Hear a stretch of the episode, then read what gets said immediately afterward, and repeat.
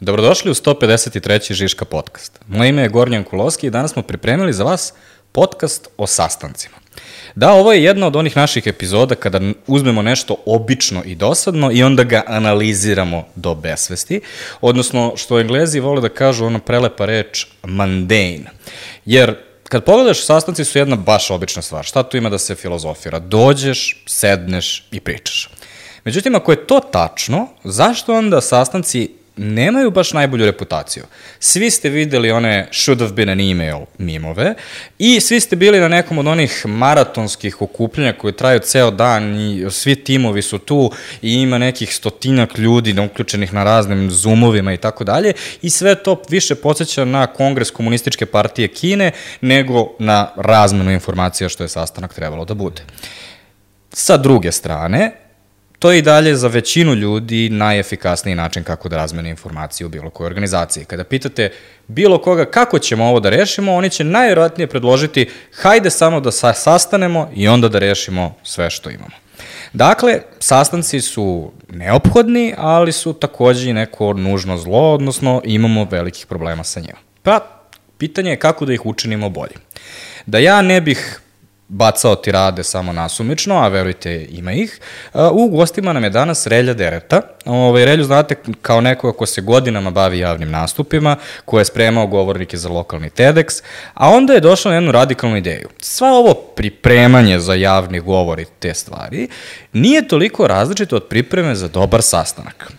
Pa, Relja, da li si pripremio javni nastup o pripremi za javni nastup i to što je, je isto što je priprema za sastanak, odnosno javni nastup? Vi slušate Žiško podcast. Uh, ali pre toga, uh, ajde sad ozbiljno, zašto si izabrao ovu temu? Ispričaj ljudima kako smo došli do toga. Uh, prvo, hvala ti puno što si me zvao. Pa, m, nije samo da sam toliko ja birao temu, koliko moji klijenti biraju tu temu sve više. Uh, ja isti, kažem da inače sve više radim komunikacijske veštine, ne prezentacijske veštine, jer ono što mislim da je naša poslovna realnost su između ostalog sastanci. To je ono što se toliko često dešava i to je ono za što ljudi treba isto da imaju neki sistem pripreme, negde da promisle kako nešto da kažu, da bude sažeto i tako dalje i već je spontano kad pitam ljude, iako su možda uzeli trening prezentacijskih veština, ok, a gde ćete ovo realno koristiti? Oni kažu, pa dobro, imamo neki nastup za dva meseca, ali slušaj, evo ja sledeće nedelje na sastanku predstavljam svoj projekat ili predstavljam kvartalni izveštaj ili ne znam šta.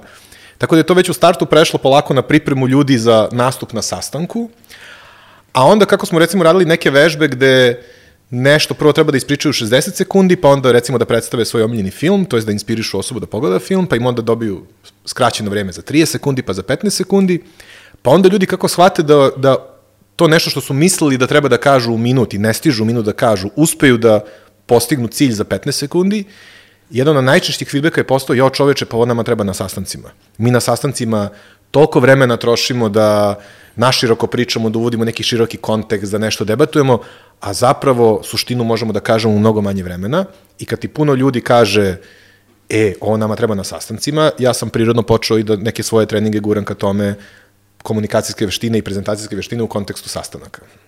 Meni su ove teme izuzetno inspirativne zato što obožavam kada nećeš naučiti ništa novo u celom podcastu. Da. Jer sve, sve već kao znaš, ali ono što pozivam svakog od vas je slušajte pažljivo i onda samo samo realizirajte sebe na sledećem sastanku i onda gledajte koliko stvari uradite od svih ovih koje smo pripremili. A, da počnemo prvo sa definicijom, pošto ovo u stvari nije toliko jednostavna definicija koliko ljudima možda ovaj deluje, kao šta je sastanak. Ajde da počnemo kao kako bi ti uopšte definisao sastanak? E, da, kao neki skup sa nekim ciljem.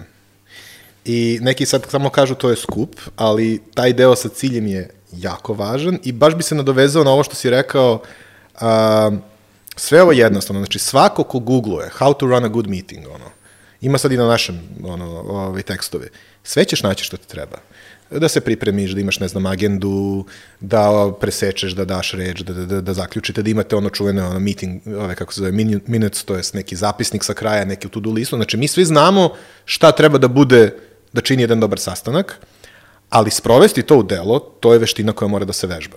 I u tom smislu jedna stvar koja jako mora da se vežba je taj drugi deo definicija, to je svrha.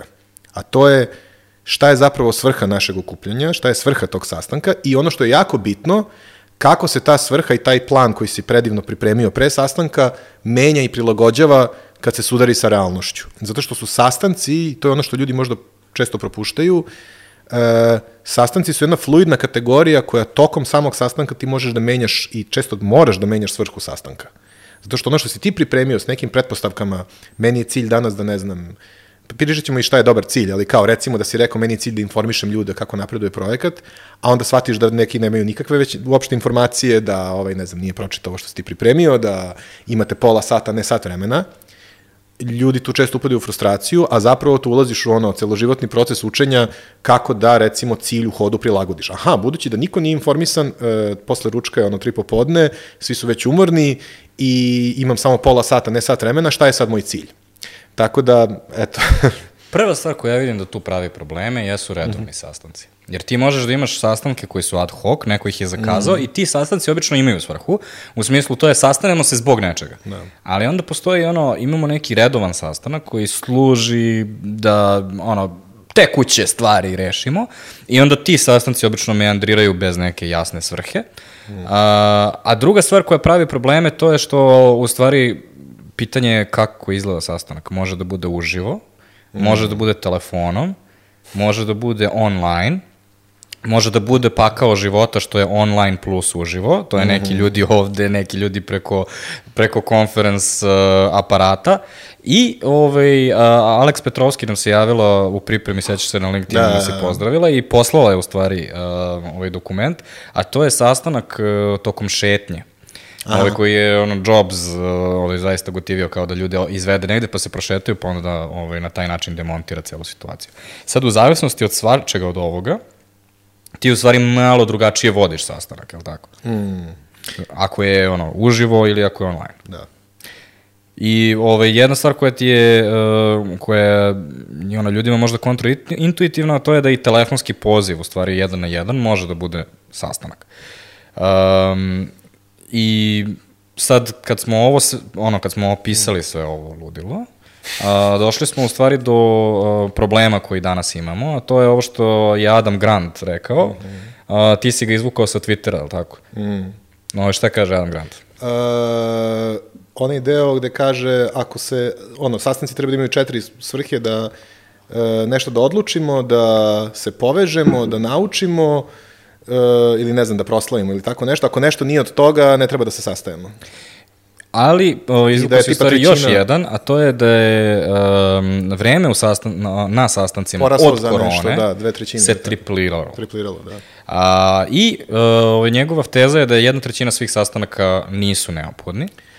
Što je interesantno ako pogledaš, jer ako se utrostručio broj sastanaka, a jedna trećina nije neophodna, da li nam je pre falilo sastanak, jer kao zapravo je, malo i on mora da se posloži sa svojom ovom statistikom, ali da, složio bi se da nam ne treba dosta sastanaka. Ove, šta, uh, da li se slažeš sa, sa Adamom? Kao, je li jedna trećina otprilike ono... Pa slažem se, ja sam u šali napisao da jedna trećina svakog sastanka nije morala da se desi, to je da je sastanak mogao da bude dosta kraći. E, slažem, naravno, nezgodno je jako razbacivati se sa statistikom zato što svaka organizacija ima svoje potrebe i kako funkcioniše i to, ali ono što definitivno čujem da, da kako kažem, kako pitam recimo klijente, a koliko vidite primjenu ovoga na sastancima, vidimo ono masovno kolutanje očima kolektivno, jao, da, jao, koliko gubimo vremena.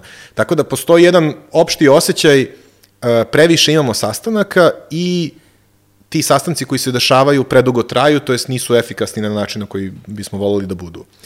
E, ja volim da uradim još jednu stvar pred svaki podcast, a to je e, postavim veoma nenaučni LinkedIn poll.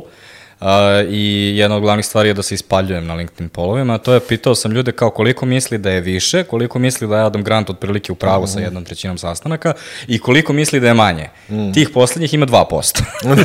znači, ljudi su 58% je otprilike u pravu, to je otprilike trećina može se baci, a 40% misli da je u stvari više od uh, ovoga. I sad, naravno, LinkedIn pol ljudi su daleko re, relaksiraniji da kliknu nego što bi rekli svome HR-u, na primer. Mm. Uh, ali, uh, recimo, jedna od stvari koje, kada si ti rekao za 30% svakog sastanka, Uh, to je koje su sve barijere da se u stvari bilo šta što sad pričamo se desi. Uh, I opet u zavisnosti od toga o kojoj vrsti sastanka pričamo, u stvari malo se razlikuje. Recimo za online sastanke jedno od ključnih dinamika je koliko ljudi ima upaljene kamere. Pa sam i to pitao ljude na LinkedInu, misleći da ću u stvari dobiti mnogo lošiji rezultat. U stvari, od 420 glasova, 60% ljudi preferira upaljene kamere, a svi ljudi koji su se javili u komentarima su pravili fore sa ne dolaziš sa maskom na glavi, na sastanke. Ako već imaš uh, mogućnost da ne stojiš u saobraćaju, onda bar ispoštuj kolege toliko da upališ kameru i tako dalje. Međutim, ja ne znam da li je možda ono, uh, u zavisnosti od toga kakav je sastanak i koliko je ljudi na sastanku, ali što je veći sastanak, to je veća šansa da imaš upaljene kamere, ugašene kamere. Mm -hmm. I recimo, uh, ne znam da li si ti imao priliku da prezentuješ nešto tokom korone, da. ali recimo, pogotovo na, ono, kad te zovu da budeš studentski demonstrator ili tako nešto, to je ono groblje, bukvalno samo ono sivi kvadrati i bela imena. Da. Jesam i mislim da je, tu sam čvrsto u ovoj grupi koja kaže upalite kamere. E, bio si i okačio onaj smešni neki ono klip da je kao haha so relatable kada ova neka neka kreatorka pravi Hailey Lowe sa TikToka. Molim vas, evo, dobro ti si, you're the expert on ovaj uh, koja otprilike kao ja onaj onaj on, that coworker, to jest onaj onaj kao uh, sarad, kolega koji insistira da budu upaljene kamere kao da je on neki kreten koji smara da upališ kamere. Kao baš neću, baš hoću sad da jedem i da je ugašena kamera, što produktivnost sastanka ne zavisi od toga da li je upaljena. Kao ne, vrlo zavisi Zato što ja da bih, ako pravim neku diskusiju, ja moram da vidim kako ti reaguješ. Ako ja izgovaram ovo je jako važno i ja po tom izrazu lica, mak, i, pre, i pored toga što nas već ograničava ta, ta distanca i ta kamera, ja ako vidim tvoj izraz lica koji je ovo ili, ili radiš ovo, ja dobijam drugačiju informaciju. Ja posebno što držim toliko edukacija, meni je osnova rada, pa onda i sastanke kad radim, da konstantno gledam šta druga strana radi, kako reaguje. Ja ne mogu da, ja ne mogu da pričam uh, pet minuta neku priču, a da ne vidim posle 20 sekundi kako reaguješ posle 40, prosto to je prirodno, to je ono što radimo i u razgovoru. Da ti sad sediš svako, ono, onako s nekim na kafi i pričaš i on te ovako tu pogleda, posle drugog minuta ćeš da staneš. Tako da, upaljene kamere su jako važne i ti si lepo sumirao da to je u kontekstu naše navike da, da smo postali opušteni, zato što je, kad je krenuo remote work, imali smo taj trenutak, ok, svi se prilagođavamo na činjenicu da uh, ono, nemamo baš uslove kod kuće, nismo spremni, samim tim nećemo uvek biti obučeni ovako ili nemamo u kući, ne znam, pozadinu da to izgleda profesionalno, samim tim ok da gasimo kamere i to je bilo ok kao period navikavanja, ali ja mislim da je ok i da ako nemaš to okruženje, čak i ako ti malo neprijatno da upališ kameru, osim ako nije neka baš vanredna situacija, u suštini tvoja, neprija, tvoja blaga neprijatnost koju već pomalo i trebalo da prevaziđeš, je mnogo manja od benefita koji dobija onaj koji vodi sastanak, to jest koliko ceo sastanak dobija time što možemo da vidimo tvoju reakciju. I to je na neki način, ako mogu da dodam poziv na odgovornost, to je sastanak na kojem si ti.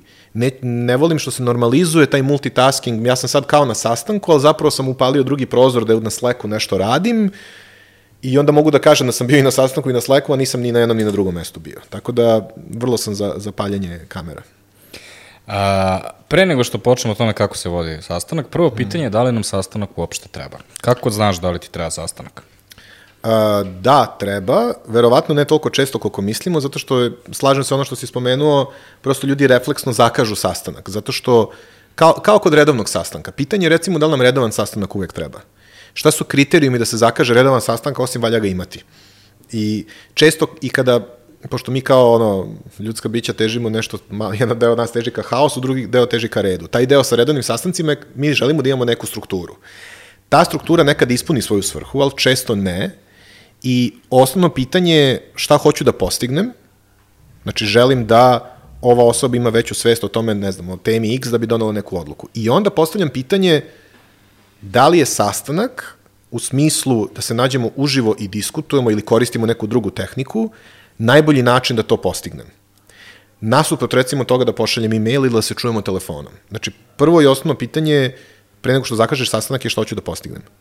Sastanak je samo alatka i pritom kako vodiš sastanak je isto veliko pitanje. Jer ljudi kad kažu sastanak, svako ima, mislim svako, ali ljudi teže opet ka nekoj strukturi koju su naučili. Ja treba da dođem i treba sad da ispričam i da dam kontekst. Ako je za tebe ideja sastanka, ja moram prvo 20 minuta da dajem uvod, to je verovatno već ne, neefikasan sastanak. Tako da, ajde da kažemo, za početak pitanje što ću da postignem, pa onda, ako je to uživo, ako je bitno da se uživo sretnemo, jer taj trenutak uživo pruđemo, šta pruža sastanak? Pruža mogućnost da imamo, tako, to što kažu naši back and forth, to je da možemo da sedimo, pričamo, diskutujemo i to je mnogo dinamičnije nego da preko mailu s druge strane pruža, ne znam, priliku da sedneš i promisliš argument, ali mnogo sporije ide komunikacija. Plus je što je asinhrona, pa možemo sada da se dobacujemo, ali ako recimo relativno brzo treba da se donese neka odluka, a potrebno je da prođemo kroz više stavki, mail verovatno nije efikasan način. Ako nemamo već izrađenu strukturu da možemo preko Slacka to brzo da uradimo, mada i to onda postaje sastanak na Slacku, što je neko bio spomenuo na LinkedInu, a to je uh, ono, kad na Slacku neko kaže, je, trebaš mi samo na sekund i onda to postane cela diskusija. 20 minuta kasnije. 20 minuta kasnije. Čekaj, ali sedimo preko puta, mogli smo da sednemo 10 minuta to da prođemo.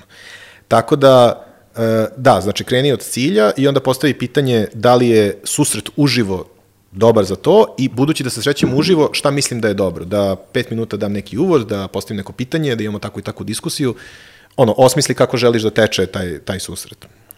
E sad, postoji i ovaj, jedan proceduralni deo koji je u stvari dosta bitan, a to je, uh, ok, rešio si da ti treba sastanak. Kako se kršteno zakazuje sastanak? I to je prvo, biraš vreme sastanka uh -huh. i onda postoje večni optimisti. Svi će da dođu tačno u 9 i onda nikad ne dođu ljudi tačno u 9, jer ono, nekome, ono, imaš problema sa prevozom, neko je se zaglavio u gužvi, nekome nešto nije radilo, neko je ostao u vrtiću, bio problem mm. i tako dalje. I onda se skupljamo do pola deset, šta god ti, ono, kad god ga zakažeš. A, druga varijanta je, ajde da imamo onaj u tri pa da radimo do pet, pa da onda svi zaglavimo u gužvi nazad, Da. Pogotovo ako radiš u centru ili ako radiš recimo u Batajnici, pa onda ono imaš na povratku nazad ono kada svi nagrnu kući, onda kao ostaneš sat vremena u I ljudi koji ovaj, misle da ručak nije bitan. Pa ga onda zakažu ono između 12 i 2, na primjer. Da.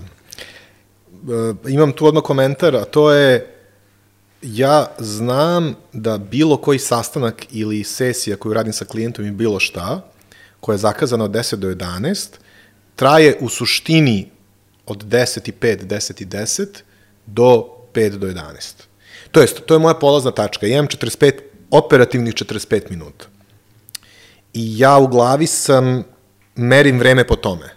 Jer sve i da krenemo u 10.00, uvek imaš onaj početak, što ćemo pričati posle kontekst switchinga, to je ta osoba je često uletela sa drugog sastanka, došla je s nekom energijom, ne, malo ko je spreman da samo uđe u prostoriju, sedne s tobom i kaže spreman sam da radimo. Nego ljudi dođu, završavaju nešto na telefonu, šalju neku poruku, sednu i kao ajmo, sa energijom nema šanse da krenemo. I onda onaj prvi deo uh, da kažem, uopšte uspostavljanje komunikacije, zapravo da se nivelišemo s energijom. Ali da se vratim na tvoje pitanje zakazivanja sastanka, to je da li je to bukvalno pitanje kako sada da ljude ono obavestim i zakažem ili je, je li to pitanje? Ili... Ne, ovo je bukvalno, ovaj, ono, nađi termin za početak da. i kao postoje termini, neki termini su bolji od drugih. Da, i to opet, znaš ono, puno ću puta ovde se, da ne kažem vaditi na to, ali govoriti, to zavisi od firme do firme, od situacije do situacije. Neki klijenti su bukvalno, sad opet ja gledam često iz perspektive e, individualnih sesija koje držim, ali zapravo i, i recimo i grupnih treninga, u načelu su ljudi produktivniji pre podne, posle ručka je već doviđenja, ako hoćeš nešto ozbiljnije da radiš kao proces, donosiš odluku i to, iz dva razloga. Prvo, već smo umorni tokom celog dana, često smo imali ručak, pa treba posle ručka još nešto pametno da pričamo i već imamo ideju kraja dana i onda postoji jedno malo cupkanje i onu ideju moram da završim još nešto. Tako da ja generalno težim ka ranijim sastancima nego kasnijim i e, svakako ne postoji savršeno vreme za sastanak, jer zbog te ideje, zbog tog što kažeš tripliranja sastanaka i tog nekog osjećaja konstantne gužve, na neki način ne postoji savršeno vreme za sastanak. Ja mislim da tu u suštini moramo da se pomirimo sa E, moramo da odbacimo naša očekivanja šta čini dobar sastanak između ostalog. Već kod zakazivanja mi treba da odustanemo na neki način, jer uh, očekiva, da odustanemo... To je to, kaj to. da, znaš ono, odustanite, propašćete i to je okej, okay, sve u redu, znaš. Uh, očekivanje je majka svih zajeba, znači očekivanje da ćemo mi imati super termin i da će svi doći motivisani i to, to je fantastičan uspeh dok možemo da gradimo kroz nedelje, mesece, godine. Ali svaki deo od samog zakazivanja sastanka do vođenja sastanka do follow-upa da ljudi treba da urade ono što ste se kao dogovorili na sastanku, ima jednu suštinski ono jedno propadanje konstantno, to jest jednu ovu, kako se zove, ova reč, entropiju, da kažemo. I, i samim tim, tre- e, ono što se zaista desi je naš sken trenutnog, aha, je naš sken trenutnog stanja. Ovoliko smo dobri trenutno u zakazivanju sastanaka, ovoliko dobro radimo na sastancima, tako da i to kad smo, ono, mi smo recimo u procesu da nađemo kad je dobro vreme za zakazivanje sastanka za našu firmu, to jest neka firma to traži, to jest to treba da tretira kao potragu, a ne kao, jao, zašto ne možemo? Pa ne možete u ovo vreme, ajde da se zapitate ko je drugo. Za mene je dovoljno dobro da znaš da kao nisu, nisu svi termini isti. Kao. Naravno da, Da. Ono, svaki slučaj je jedinstven za sebe, ali ono, by and large, kao što smo rekli, jutarnji su uglavnom produktivniji. Recimo mi a, preferiramo uvek da, pošto znaš š- u, u kreativnosti imaš konvergenciju i divergenciju. Uh -huh. Konvergencija je ono kada dolazite sa idejama pa divljate što više, a divergencija je kada, ono, drugi sastanak kada odlučujemo šta sečemo. Mm. E, recimo, mi kon, ove divergenciju ne radimo popodne, jer ono, nisi uopšte u tom modu, već si izmožden, ceo dan si u tom sečenje modu, a recimo konvergenciju možeš veoma lako da uradiš ono popodne i čak je nekako bolje jer svačiji entuzijazam je ono nije više tu i onda su svi u fazonu e da se ne lažemo ovo ne valja ništa da, zapravo se inhibicije spuste, ono, da, tako da. A isto tako, pričamo jako lepe, korisne stvari, ljudske, topla ljudska priča, da. uh, isto tako, da li postoji maksimalan broj ljudi koji možeš da imaš na sastanku? Pa neka moja teorija je da, mislim, znaš, ne volim opet da dajem brojku šest, kao, kao ili nešto, ali kao ti to želiš Šesti da broj. čuješ jako, da. Šesti broj, verujem. Um, znaš, ono, naravno, opet zavisi od tipa sastanka, uh, što je, što je više ljudi ko, koji treba da, znaš, opet postavljaš pitanje šta hoćeš da postigneš čuveno, ali što je više ljudi, postaje manje je prostora za svakog da se izrazi ako je važno da se izrazi. Opet ako imaš projekat da treba, ne znam, 12 ljudi da se izrazi, onda moraš da planiraš sastanak koji možda ne može da traje pola sata, mora da traje 2-3 sata. Opet ljudi zaboravljaju jednu bitnu stvar kod sastanaka, by the way, postoji koncept pauze. Kao posle sat vremena, znači ta, ta radost ljudi kad posle sat vremena vidiš da su ljudi u fazonu ovo je sad onaj trenutak gde smo već umorni, ali imamo još sat vremena. Ja kažem, a hoćete pet minuta pauzu za WC, ono, bazične potrebe i to? Ja, da. Znaš, znači, već postoje razne neke tehnike kako da u slučaju da ti je važno da imaš 10-12 ljudi na sastanku, koji moraju sve vreme da učestvuju, napraviš da to radi.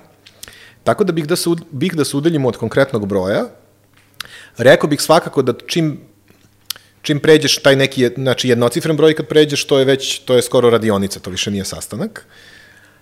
Ali mislim da je bitna poruka da ljudi čuju ono, nije pitanje samo koliko je ljudi, pi- pitanje je da, s kojim ciljem su oni tu. Ako su s ciljem tu da uče i da, ne znam, čuju da bi, da bi promenili neki stav itd. i da mogu da se jave s nekim kratkim... Ako napraviš formu da oni mogu da učestvuju da se osjećaju da oni nešto dobijaju i da doprinose, nije problem broj ljudi. Problem je ako ti očekuješ produktivnu diskusiju i pozvao si 15 ljudi.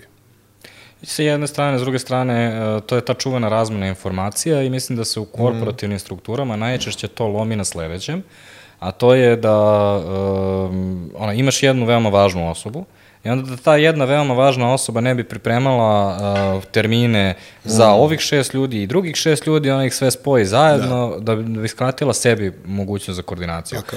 A mislim da su rotirajući sastanci recimo nešto što je kao zabavno, a to je ajde ljudi uključite se od, od 9.30 do 10.30 ste vi, a onda sledeća grupa samo neka uđe u 10.30 i kao verujte mi ono, ta, ja, ja ću da natempiram tu da će da bude ta agenda ono što je vama zanimljivo tada da čujete i samo ono tiho se ono iz phase outujte, ono izađite iz sobe kada bude ovaj taj trenutak. Bih da se nadovežem samo ako mogu na ovo što si rekao, e, taj primer tog nekog seniora koji zakazuje, koji ono okuplja dva, tri različita tima, u sast da bi on sebi skratio vreme i da bi ceo projekat možda kao se brže pomerao, je zapravo situacija da je onda ceo projekat sporije ide. Zato što on napravi taj sastanak gde bude 30 ljudi umesto tri grupe po 10 recimo. On tu nešto često ono, ispriča, svi klimaju glavom da su čuli, jesu, nisu. I onda ti ljudi, zato što je taj sastanak suštinski bio neproduktivan, zakazuju niz svojih internih sastanaka i sa njim i sa sobom da bi između sebe da bi shvatili šta se dešava. Taj senior se frustrira što sad mora da troši još vremena na to, ljudi se frustriraju što nisu dobili informaciju koja im je bila potrebna uh, i samim tim je zapravo bolje da je zakazao od starta dva, tri sastanka po sat vremena gde je zaista fokusirano radio sa svakom grupom, nego da, na- znaš, te potrebe često da se uštedi negde vreme i, i onda se zbrza taj i napravi se loš sastanak, generiše mnogo više dodatnog posla i patnje ovaj, potpuno nepotrebno. Sad prelazimo na taj deo kako se pripremaš za sastanak. Mm -hmm. I um, da, li ti smat, ono, da li ti smatraš da je to što savjetuješ ljudima da se pripremaju za sastanak kontraverzno? Uh, mislim da je kontraverzan jedan, kontraverzan je taj deo da kažem, uh, moraš da umeš da se pripremiš za sastanak za koji nisi spreman. Da, sad ono, mind blown. ajmo- ono, kao, ajmo još- Vidim iza tebe ona galaksija Da, da, se da. šire. ovaj, ali, Nije mind blown, vo, mozak se samo veza u čvor, ništa ne da, da, da, ovaj, a, ljudi mislim da imaju često i pogrešnu ideju o pripremi, to jest polažu, priprema je važna, ali u suštini što se više pripremiš, više si vezan za to što si pripremio, a to što si pripremio možda odgovara realnosti sastanka koji će se desiti, možda ne. Jer svaka neka digresija koja je možda važna, pitanje ili ne znam šta, ako narušava tvoju ono, pripremu, potencijalno ti pravi problem. Znači, da, super, to, to je jedna stvar. Druga stvar je, e, da, priprema je važna, ali mnogi ljudi realno u svom poslovnom okruženju nemaju vremena za ozbiljnu pripremu, šta god to značilo.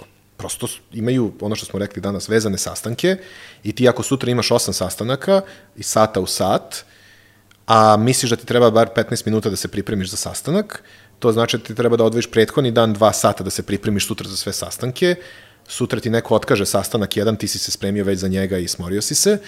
Tako da, budući, kako da kažem, što se ljudi više spremaju i onda sudaraju te pripreme s realnošću, počinju polako i da odustaju od te neke ozbiljnije pripreme. I samim tim ono što je važno je sposobnost da kad se dešava sastanak, gde si recimo pozvani u trenutku, dođe od, e, treba da održimo sastanak, ti treba da ga vodiš recimo ili nešto, ti moraš da imaš sistem kako da se na licu mesta pripremiš. Kako da se pripremaš kad je već krenuo sastanak. I to je potpuno okej. Okay. I to je ono što je treba i reći ljudima. Okej okay je da se na sastanku pripremamo za taj sastanak. To je možda kontraverzno. A to je da na početku sastanka je okej okay da kažeš, e, ljudi, prva ideja je bila ta i ta, budući da Žika i Pera nisu tu uh, i nemamo tu informaciju, imamo toliko i toliko vremena, meni je ideja danas da radimo to i to, kako vam to zvuči. I onda se ti sa ljudima, mi se zajedno pripremamo za taj sastanak i definišemo šta hoćemo da postignemo na njemu i definišemo kako ćemo raditi i tu već kad se složimo, a tu se dešava jedna jako bitna stvar, a to je da malo posložimo očekivanja od tog sastanka i kažemo danas nećemo moći to onih tih pet tema, jer taj, taj, taj razlog, ali je vam okej okay da danas uradimo ovo i ovo, pa i ako ne uspemo, ako uspemo samo prvo, to je dobro, jer eh, ljudi kažu, kad kažu da, čak i ako je urađeno 20% od onoga što je planirano, zato što si uradio tu pripremu na početku sastanka, ljudi su srećni u osnovi na kraju. To jest nemaju one osjećaje beznađa nakon lošeg sastanka. Tako da, ne znam kako ti to Inače, zvuči. pakao na- pakao Imaš razne izraze lica dok ovo pričam. Pa. Zato što si prošao pet različitih stvari. Da. Ove, pakao našeg podcasta uh, je uh, kada krenemo da se pitamo šta reči znači. Ti si sad u stvari spojio tri stvari odjednom. Nešto što možeš da zoveš uvod sastanka, što treba da radiš svaki put. da. A priprema sastanka, u smislu ja sam osmislio šta će biti taj sastanak unapred, što si rekao da se ljudi nekad previše vezuju i tako dalje. I treća stvar je priprema tebe kao ličnosti da izađeš iz jednog sastanka u drugi sastanak. Znači, to su tri različite stvari. Ove, pa hajde sad da... Da, hoćemo da se ih- vratimo na pripremu, baš Da ih pripremu. zovemo mala priprema, to je ovo, Da. ti se fokusiraš na sledeći sastanak i Da. ovaj, to je u stvari ovaj problem toga da ljudi imaju recimo blokiran ceo dan sastanak leđa u leđa. Mm. Ovaj, e, zašto se to dešava ili još bolje pitanje, a, zašto se u nekim kompanijama to i dalje gleda kao ono, znak postignuća, u smislu um, ono, ti si dobar radnik zato što vidi po ceo dan sastančim, radim za ovu kompaniju i tako dalje. Pa dobro, tu da sad ne krenemo u priču o nihilizmu, ali kao jedan egzistencijalni trenutak, filozofski, ali ono, ljudi traže svrhu i traže smisao i traže da se osjećaju da doprinose, da nekako to što rade je smisleno. Posebno kad radiš posao u kojem ne nalaziš puno smisla, onda bih rekao da u tom načinu i u energiji u kojoj se nalaziš, to treba da šalje neki signal smisla. I onda, ako si jako zauzeti u brzini, to može dosta da zamaskira zna, ono, smisao toga što radiš, je za, to jest odsustvo smisla toga što radiš, je zamaskirano velikom energijom tvom, onom kojom, kojom to Ovaj, Ima i za tebe knjiga, zove se Bullshit Jobs. Koja, E, odlično, da, da, da. To odlično su Uvijek se setim, inače, evo, mala digresija jednog sastanka, jedan moj kolega je bio na jednom sastanku koji je trajao, koji je trebao da bude operativni sastanak, ono, 15-20 minuta da se nešto dogovori, pitanju je jedna državna institucija, pa je to išlo jako sporo i onda u nekom trećem satu sastanka on ono sedi i topi mu se lice i kao u fazonu ja ne mogu više, ono ponavljamo iste tri reči, samo da donesemo odluku, a ta osoba koja vodi taj sastanak se ovaj, javlja na telefon i kao neko zove halo, ja nas na sastanku umiremo od posla, znaš, kao to je ta energija kako ono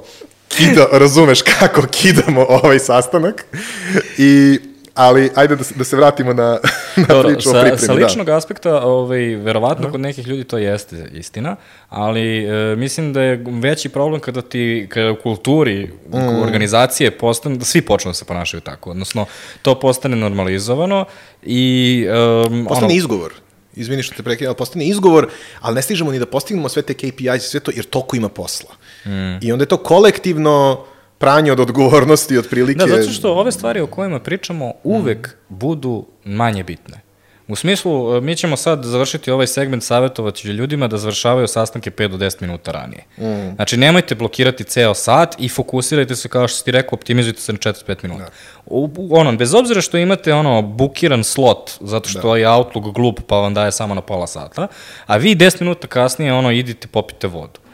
I to zvuči jako jako bazično. I kad ti ljudima kažeš, ali vaš novi projekat mora da se ono, ovaj, zarola cela kompanija, transformacija. Da. Ne, 10 minuta ranije, idi, sada. Da. Kao, to je jako težak trenutak da nekog me... Evo da uradimo jednu ono polu, polu vežbu, znači ono, obraćam se vama svima kao, znači, da li ljudi mogu da, evo, kako bi sad to praktično izgledalo? Svako od vas, sad kao gledamo neke ljude, ali svako od nas treba da donese jaku konkretnu odluku. Recimo, samo da uzme, ne, ja ću da vodim bolje sastanke, ja ću da vežbam kako da izdržim da ne počnem sastanak odma i da budem miran i da napravim tu atmosferu na početku 5-10 minuta dok svi kasne. Recimo, to je moja misija narednih mesec dana da vežbam. Kako da počinjem sastanke.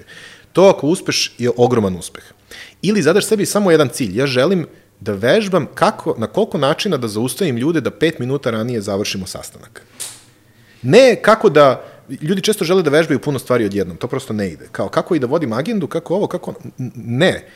Da li kasne svi sastanci? Uvedi sebi kao zadatak svaki sastanak koji narednih mesec dana budem držao. Moj jedini ono, cilj moj lični, za ličnog mog razvoja, je da naučim da zaustavim sastanak pet minuta pred kraj. I sad, uh, kad bi objasnio ljudima zašto, ove, ima ta starosrpska reč, zove se context switching. Da li Da, možeš da. ljudima da objasniš zašto je neophodno To je iz, iz da napravite okruga pauzu? da. potekla, da.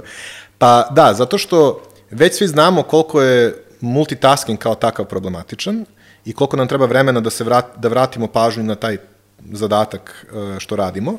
To sam kažem task, pošto danas smo, smo ono, vrlo o, lokalni sa izrazima. Um, Kontekst switching je dodatna ta komplikacija gde ti, ti si u jednom kontekstu, imaš jedan sastanak ili nešto što radiš i to nije čak multitasking, radiš u isto vreme više stvari, nego ti, ti završavaš tu jednu stvar, ali nisi je zaista zaokružio i završio, jer te vreme ili nešto obaveza pritiska da moraš da počneš narednu stvar. I ti sada praktično gledano, jedan sastanak se završava na kojem ste imali žustru diskusiju, ti si sad u toj energiji, treba da donesemo odluku, nismo doneli odluku, pera opet previše priča, a, kako ćemo, i ti sad ideš na naredni sastanak gde treba da učestvuješ ili ne da Bože da vodiš taj sastanak, i ti si u glavi još uvek u tom prethodnom sastanku, ti si u energiji zašto nismo doneli odluku. I to znači da ti imaš problem da kad se pojavi naredni sastanak sa ljudima koji pritom Boga pitaju u kom su oni kontekstu bili, ali recimo čak i da su došli normalni, a ti se pojavljaš u fazonu, ajmo sada da brainstormujemo, a u energiji si ovaj prethodnog sastanka, ti si u problemu i taj sastanak je u problemu. Ako nemaš način da se prebaciš efektno sa jednog konteksta, to jest da zaokružiš jedan kontekst, da zatvoriš taj kontekst, da imaš jedan trenutak ono kao, e, uf, otpuštam ovo sada i pripremam se za novi kontekst. To je jako važna veština, to je danas sa tim multiplikovanim sastancima posebno važna veština. Ja mislim da je mnogo važnije da propadne jedan, dva sastanka, da se ne dese u toku dana, zato što si sebi kupio po 5-10 minuta vremena da se kontekst svičeš, jer oni sastanci koji se dese će biti beskonačno produktivniji i svi će se osjećati mnogo bolje. E, ajde možda još samo da kažem, e, zašto se i dešava taj zašto imamo problema sa kontekst switchingom zbog tih nagoranih sastanaka, još jedna stvar nije samo kao zauzeti smo, zauzeti smo, nego ta zauzetost velika nas sprečava da se suočimo sa limitom da ne možemo sve da postignemo. A ideja context switching, ideja da dobro radiš context switching, kaže ja ne mogu ni da taj jedan sastanak što sam teo sat vremena da traje da sve postignem. Ja znam da on traje 45 minuta, znači tu već moram da se ograničim i kažem, ne ono, ej, jebi ga kao sat vremena pa nismo mogli više. Ne, ja moram još više da se ograničim, jer moram da kupim tih 5 minuta za njih da bi ste, seo i rekao sebi, na ovom sastanku sam postigao to i to, bam, bam, bam, ok, zaokružujem, ili nisam postigao dovoljno, imam neki stav prema tome, neki sledeći korak mi je da razmislim, uradim šta god, sad ću da uradim jednu vežbicu disanja, malo da se iskuliram, udahnem, zatvorim oči, ne gledam u telefon i sve to, e sad se pripremam za naredni sastanak. Ti moraš sebi da kupiš to vreme, to vreme znači da nećeš imati svo vreme za sastanke i to je okej. Okay. Sad, hoćeš da uđemo još malo u to kako se radi taj context switching ili gde bi sad da idemo? Možemo, da. Da, pa uh, isto jedna vežba na koju ljudi generalno super reaguju je, mislim, zato što je suštinska stvar koju koju svi mi radimo i koje kad gledaš sportiste, ono, od, ne znam, bilo da, da ljudi koji rade jogu ili borilačku veštinu ili ples ili, ili bilo koji, ono, ono, kad gledaš recimo ove sprintere koji ono na početku kad rade pa, pa, pa stoje pa kao uf, rade neku vežbu disanja e, disanje, to jest svesno disanje je jedna od najmoćnijih tehnika da sebe umiriš i da šta god ti je nakupljeno u glavi otpustiš. A jako je važno da imamo, znači to je kao neka osnovna psihofizička higijena, ne znam kako da je nazovem, kao što više puta u toku dana ideš u WC, ti treba više puta u toku dana da uradiš jedan empty recycle bin u svojoj glavi. Znači, treba da izbaciš to što ti je trenutno nakupljeno. Mi zapravo nemamo tehniku za to. Da nas neko sad uči, je ova, ovako, znači, da li ti neko sve rekao, evo vidiš kako da ovo što ti se sad nakupilo samo odbaciš i budeš spreman za naredni sastanak. To nije baš da smo imali to negde u školi. Znači, jedna osnovna tehnika je to, udahnem, svesno par puta, svestan udah znači da svoju pažnju stavljam na svoj dah. I ono, dišem i sad već ako mi ono kao sad smo usporili i malo dišemo, ja prestajem toliko da pričam, već je malo druga atmosfera, malo smo usporili i to ti daje prostor prvo da zaista uradiš mirniju refleksiju na ono što se desilo, da ne budeš u toj energiji, jo, zašto nisam, nego, ok, nisam postigao. Nisam postigao zato što čini mi se zbog toga, toga, sve vreme svesno dišeš, spuštaš svoju energiju. Inače, ono kad su ljudi, znaš, kad su nervozni, pa kao, urade ovo da bi se smirili. Pa da, znači izbacuješ, ne, mislim da na taj način regulišeš svoju energiju. Dakle, svesno disanje kao način da dovedeš sebe u stanje mira, da onda napraviš neki proces donošenja odluke i zatvaranja tog prethodnog sastanka. Da sebi daješ neki mali to do. Za naredni sastanak ću obratiti pažnju da ako je predugo trajala diskusija, meni je tema kako da diskusija bude efikasnija, ok, zatvaram to, zatvoriti to znači da više ne razmišljam o tome. I znaš i sam koliko često na sastancima vidiš nekome u pogledu da je on negde, ne kao nici tamo, nici ode sa mnom, jer pokušavaš da me pratiš šta se dešava na sastanku i pokušavaš da rešiš neku jednačinu u glavi s nekim klijentom ili nešto. I opet pokušavaš da previše stvari postigneš. E, ova vežba disanja te tera da misli, pošto je jako teško da sprečimo misli koje dolaze, ali kroz svesno disanje možemo da ih pustimo, da kad dođu samo ih pustimo da prođu, vratiš se na sebe, na svoje telo, na to kako se osjećaš. Tu često ljudi kad tako malo svesnije dišu osete, aha, ja sam zapravo umoran, zapravo sam ovako, onako se osjećam.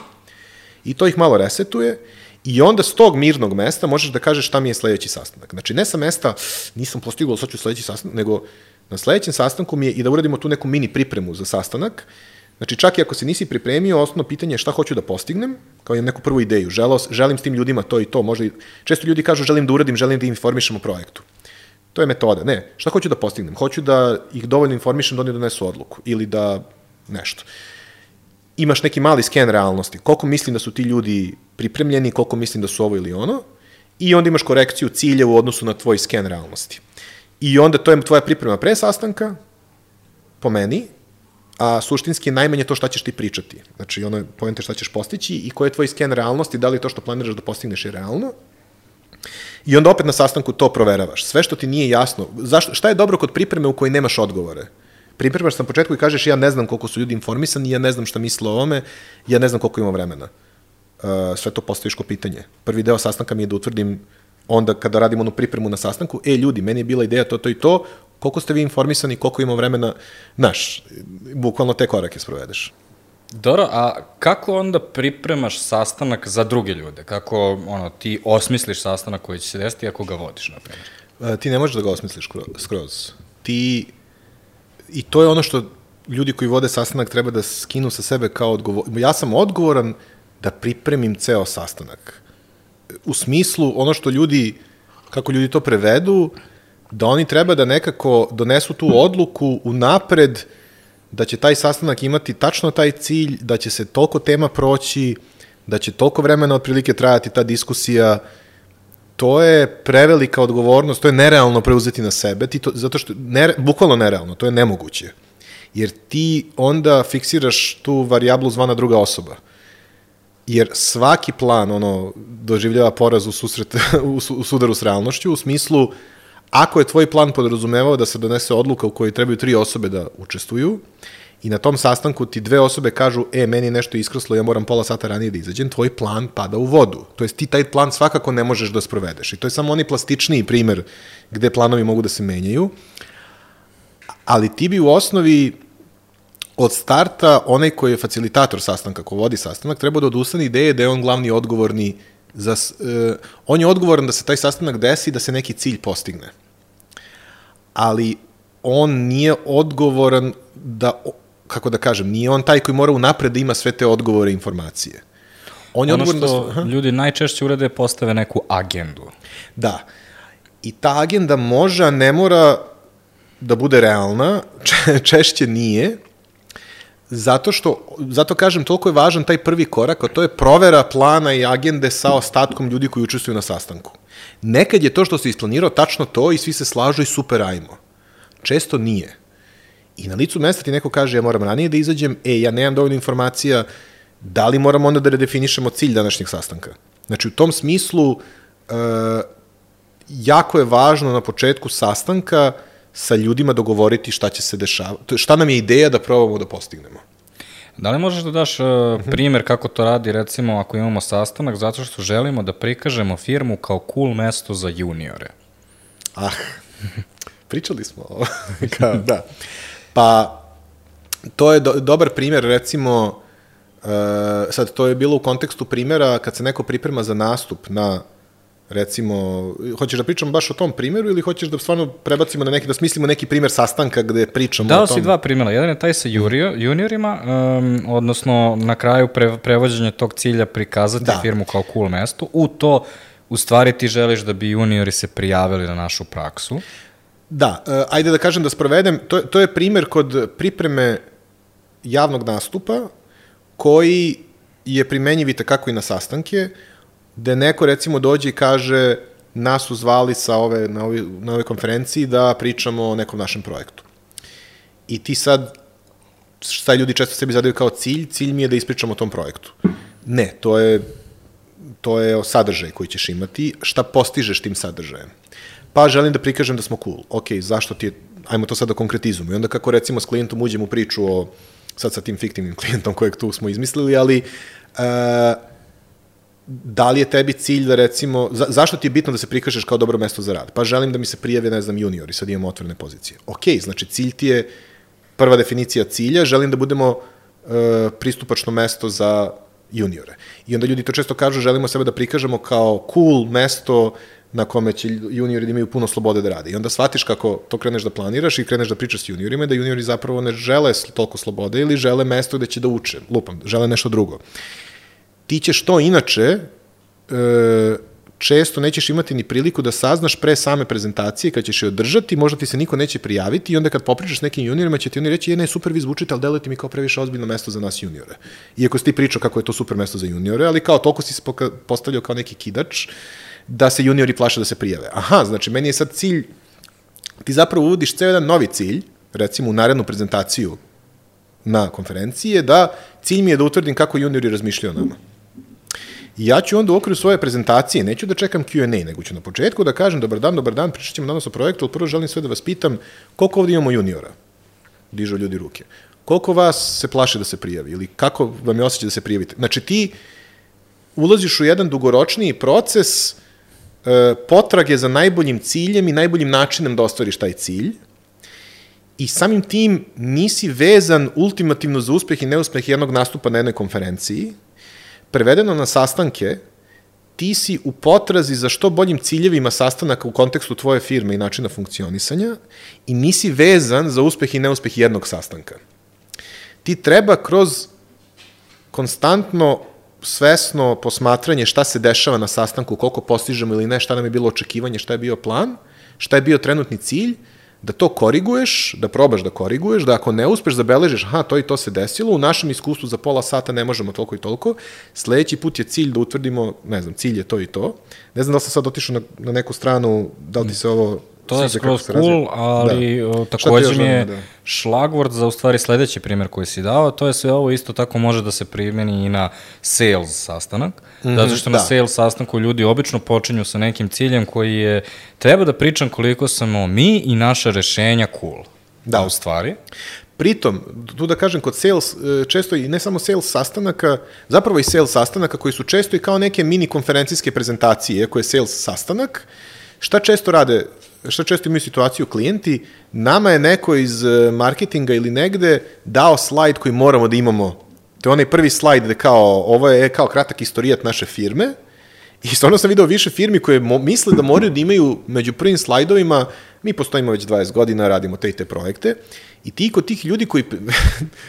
jel, jel osjećaš? ja izvini, ovaj, ali to me posjeća na onu uh, stranicu o nama. Kao ceo sajt je o vama. Bukvalno, da, da, da, e.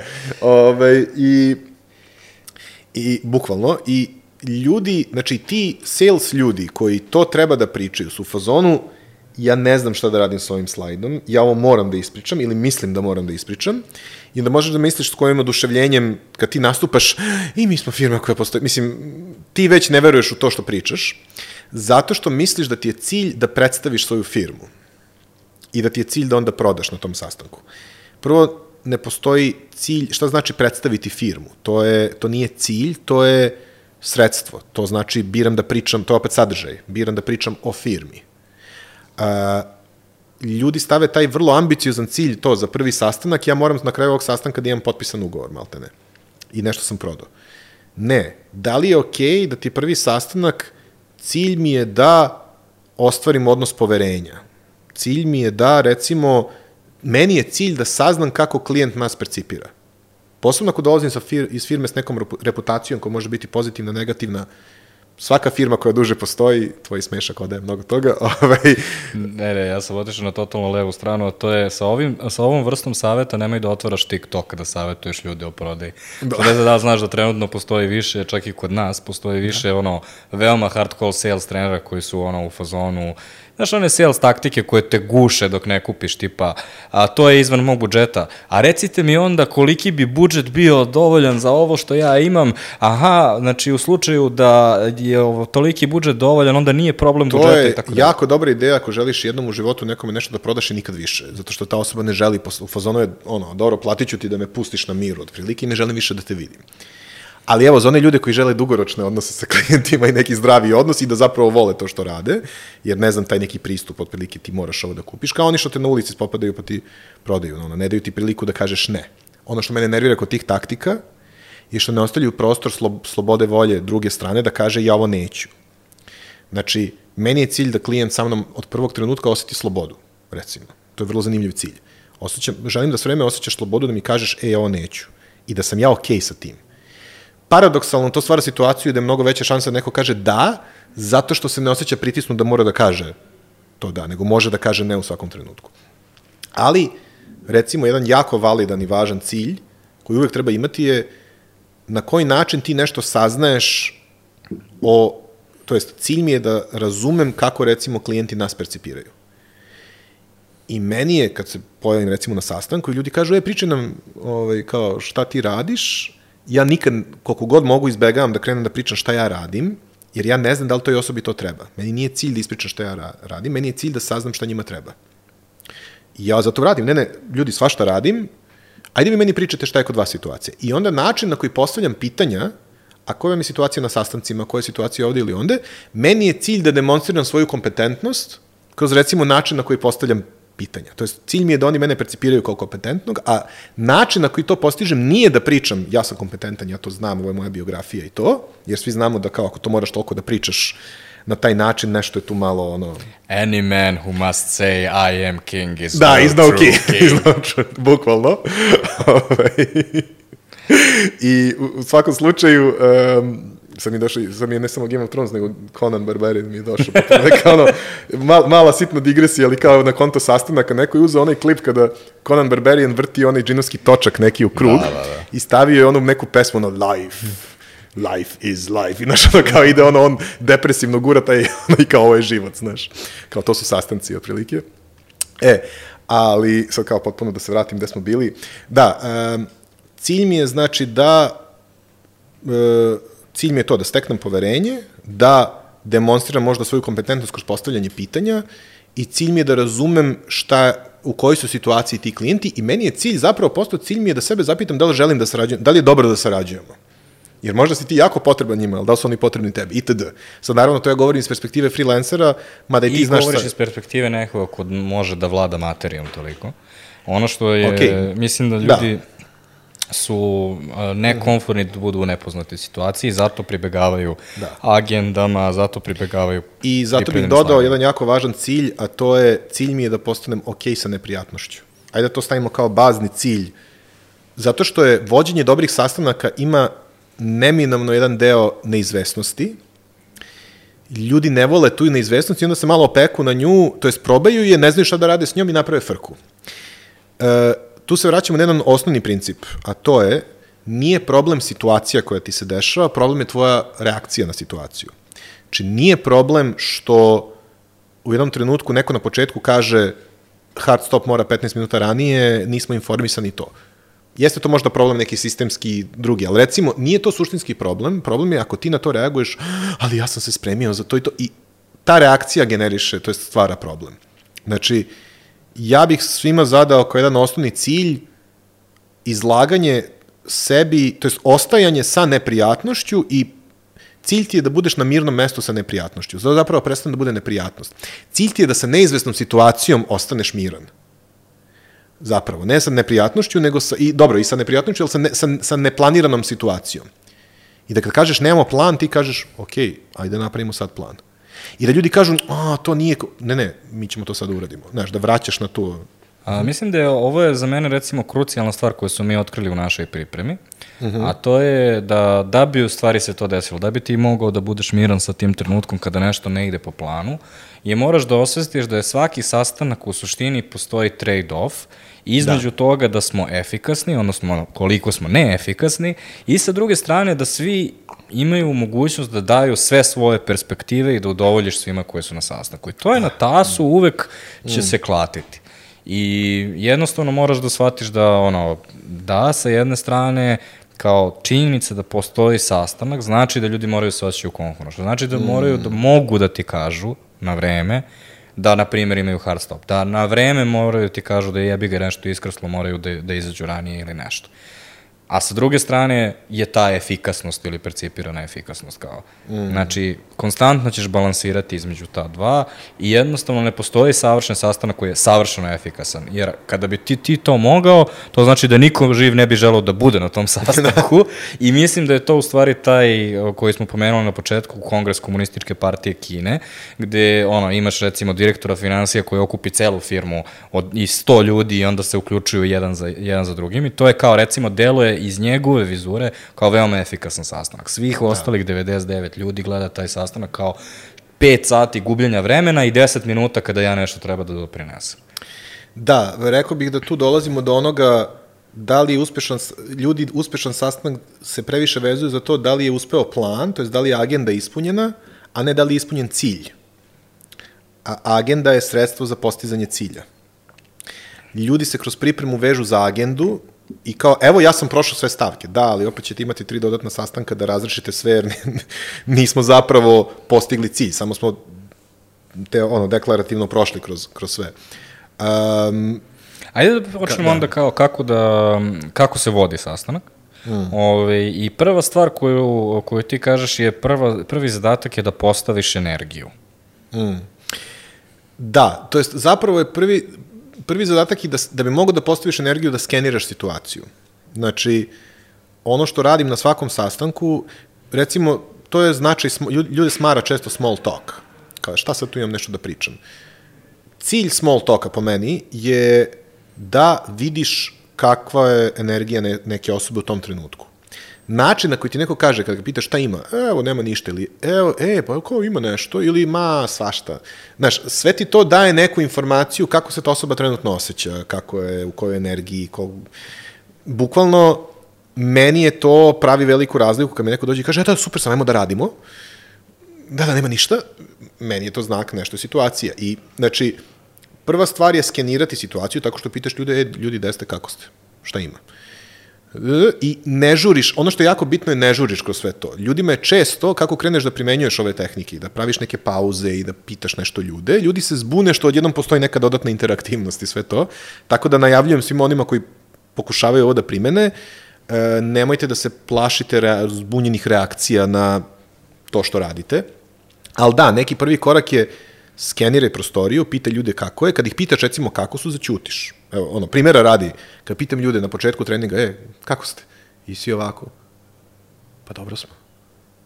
I ja kao ono ćutim, pa dobro, šta još ima? Znaš, i vidiš da je ljudima malo čudno da sad imaju taj prostor na početku da se izraze, već na tom samom početku, i ja im namerno dajem još prostora zato što će ljudi popuniti taj prostor svojom energijom i ti ćeš onda imati uvid, aha, ovakvi su, onakvi su, to je to je. I onda na neki način otvaraš sa nekom komunikacijom cilja. Ljudi, danas smo tu sa idejom da, ono, moja prva ideja je da postignemo to i to, već na neki način dogovoriš šta je cilj, ja gledam kako ljudi reaguju na taj cilj koji ja predlažem. Jer već tu možeš da vidiš kad kažeš danas je ideja da odlučimo kuda ide ovaj projekat ako ljudi urade ovo, aha, postoji neki problem sa tom odlukom i ono, i, i jako bitno proveravaš da li je cilj realan. Znači, cilj nam je da postignemo to i to, E, ne moram još da uđem možda ni u to kako ćemo kroz neku diskusiju, koju metodu, nego cilj nam je danas da donesemo tu i tu odluku. Da li mislite da to realno danas da postignemo?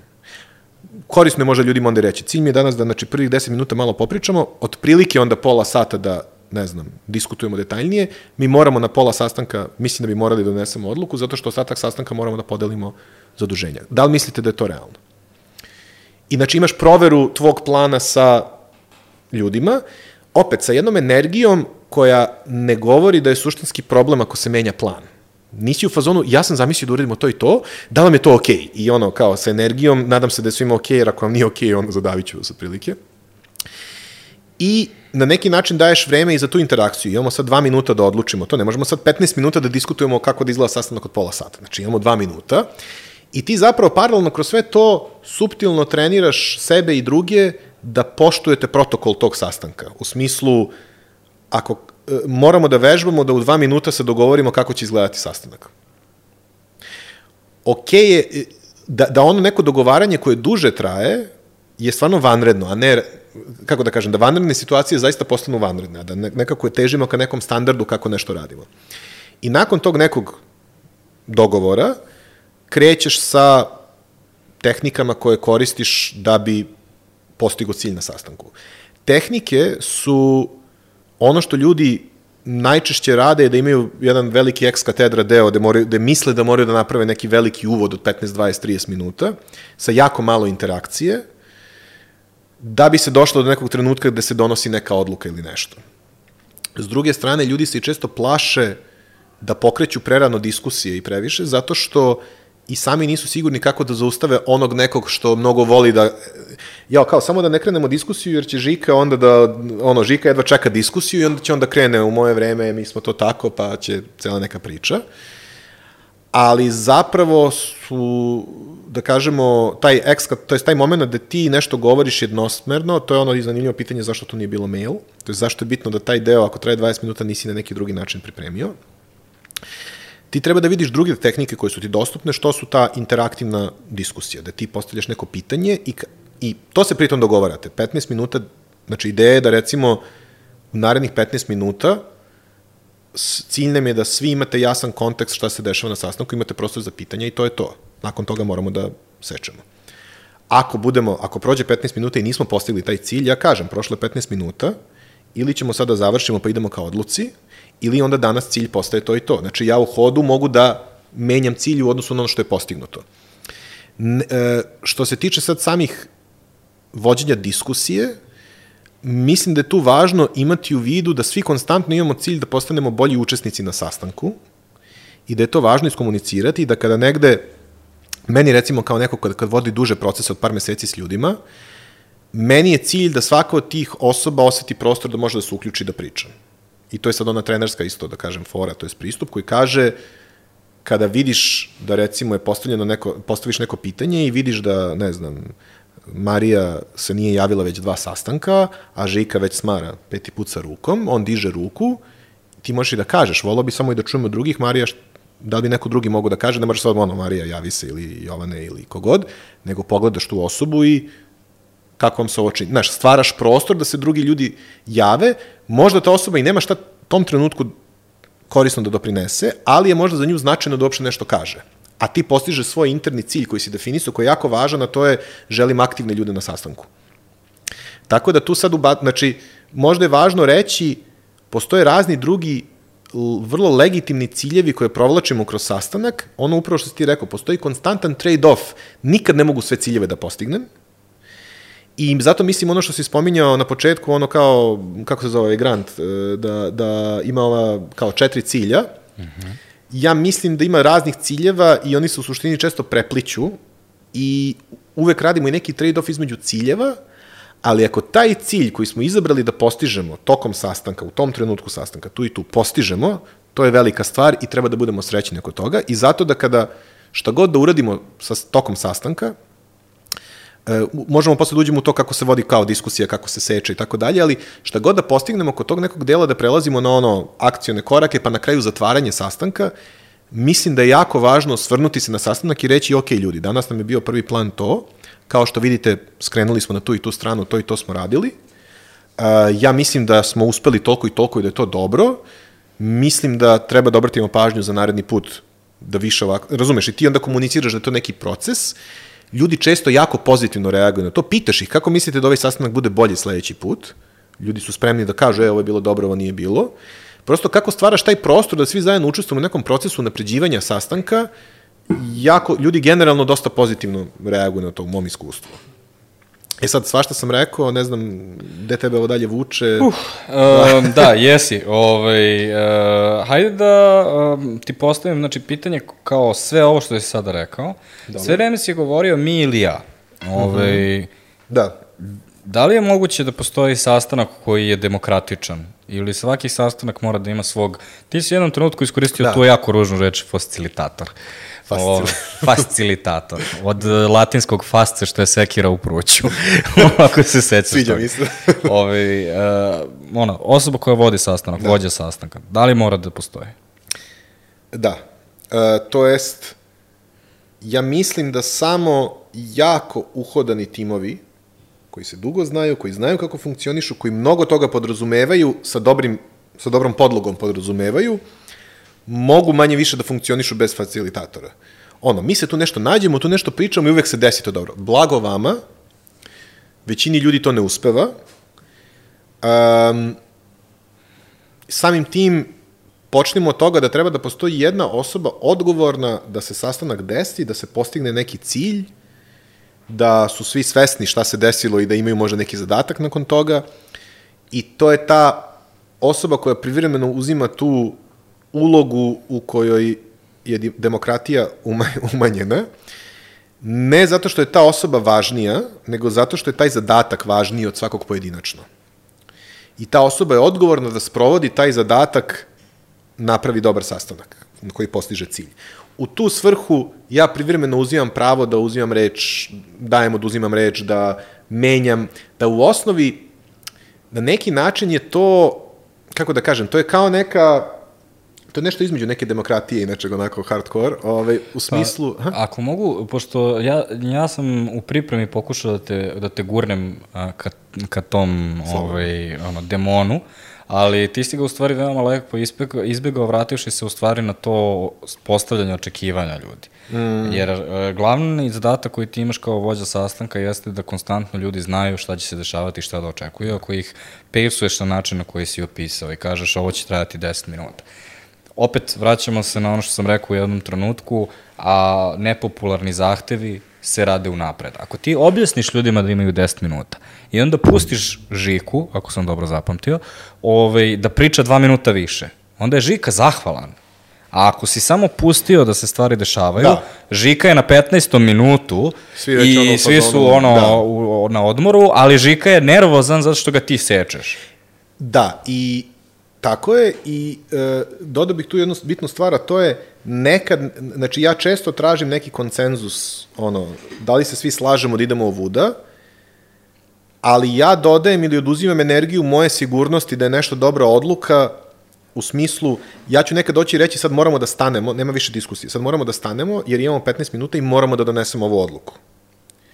Ja mogu da pitam onda li vam to ok, ali neću samo da kažem moramo tako i sad me slušajte i sad ja vama naređujem šta radimo. Znači, po meni uvek postoji neki taj osnovni element provere sa ljudima, je vam ok što idemo ovuda. Znači, ja nisam samo došao i rekao sad to radimo, e, nemamo vremena, moramo ovo, mogu i to da radim i to je ok, ali ako samo to radiš, znaš, ono, e, ti onda, mislim, možeš, ja, to nije moj stil, da kažem, moj stil je mnogo više promeri, možda to je, to je moja, mislim, i snaga i slabost, da nekad bi trebalo da budem tu možda oštriji, ali barem mi se čini da ljudi sve vreme osjećaju da doprinose i da učestvuju nekako. E sad, da, ovo što si rekao je tačno, a to je sve što unapred postaviš kao jasno očekivanje i iskomuniciraš, to je dobro.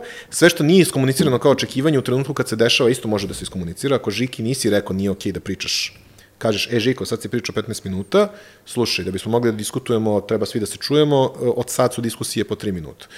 I, I onda je Žika će biti malo nervozan, ali ćeš mu ti reći, žao mi je takva situacija i Žika će posle kad vidi da je sastanak bio produktivan biti okej okay, ili neće biti okej okay i to je suštinski okej. Okay. Uh, I sad hajde da, da ovaj, se, znači, pređemo na deo zatvaranja mm. sastanka.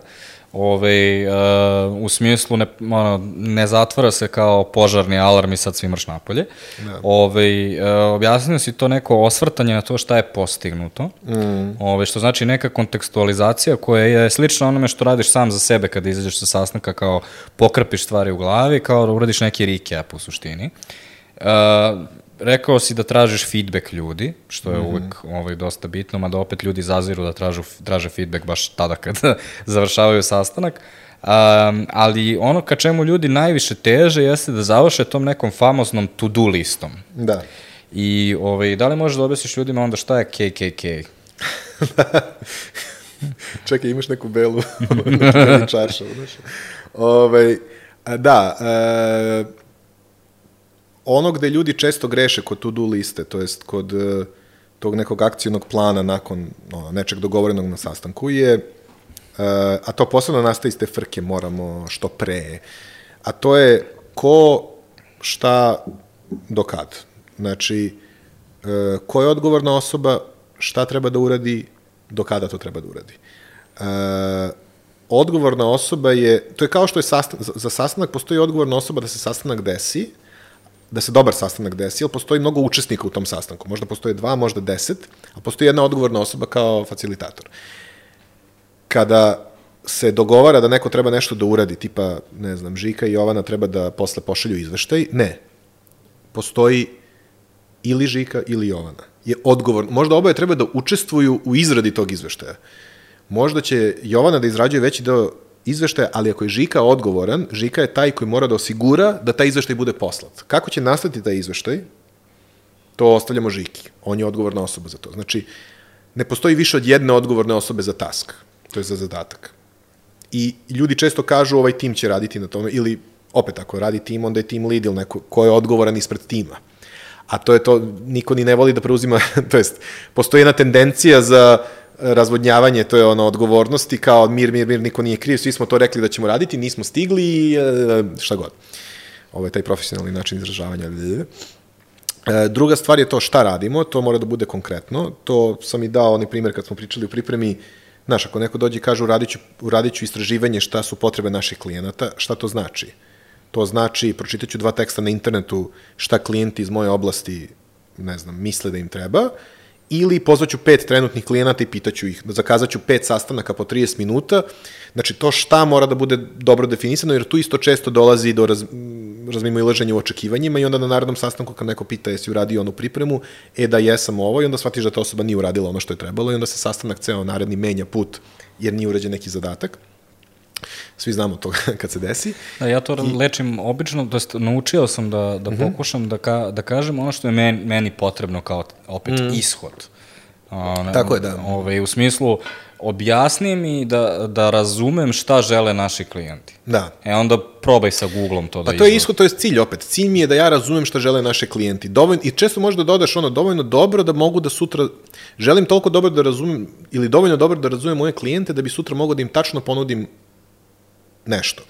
Znači, što više konkretizujemo i taj cilj, dajemo smernice toj osobi da jasnije definiše taj zadatak koji treba da izvrši, da bi ispuni, jer i taj zadatak mora da ispuni neki cilj. E, I treća stvar je do kad, ono, sutra nije, znači sutra do pet, e, u četvrtak do dva. Što pre nije rok, znači hitno nije rok. E, do kraja nedelje šta to znači? Nekom je to petak, nekom je to nedelja. Mislim, kao, ajde, kažite tačno, zato što onda možemo da se planiramo u odnosu na to. Jer sve, sve što nije jasno definisano, ostavlja prostor za razmojmilaženje očekivanjima koliko će to dobro biti urađeno, kad će biti urađeno itd. I onda cela, ceo proces neki radni ono, se postaje otežan. E, tako da... Aha. Sada negde da gazimo već po o, predvoriju korporativne kulture. Ah A, zato što to što si rekao u stvari po meni deo korporativne kulture, a to je a, taj trenutak je u stvari trenutak pregovora. Jer mm.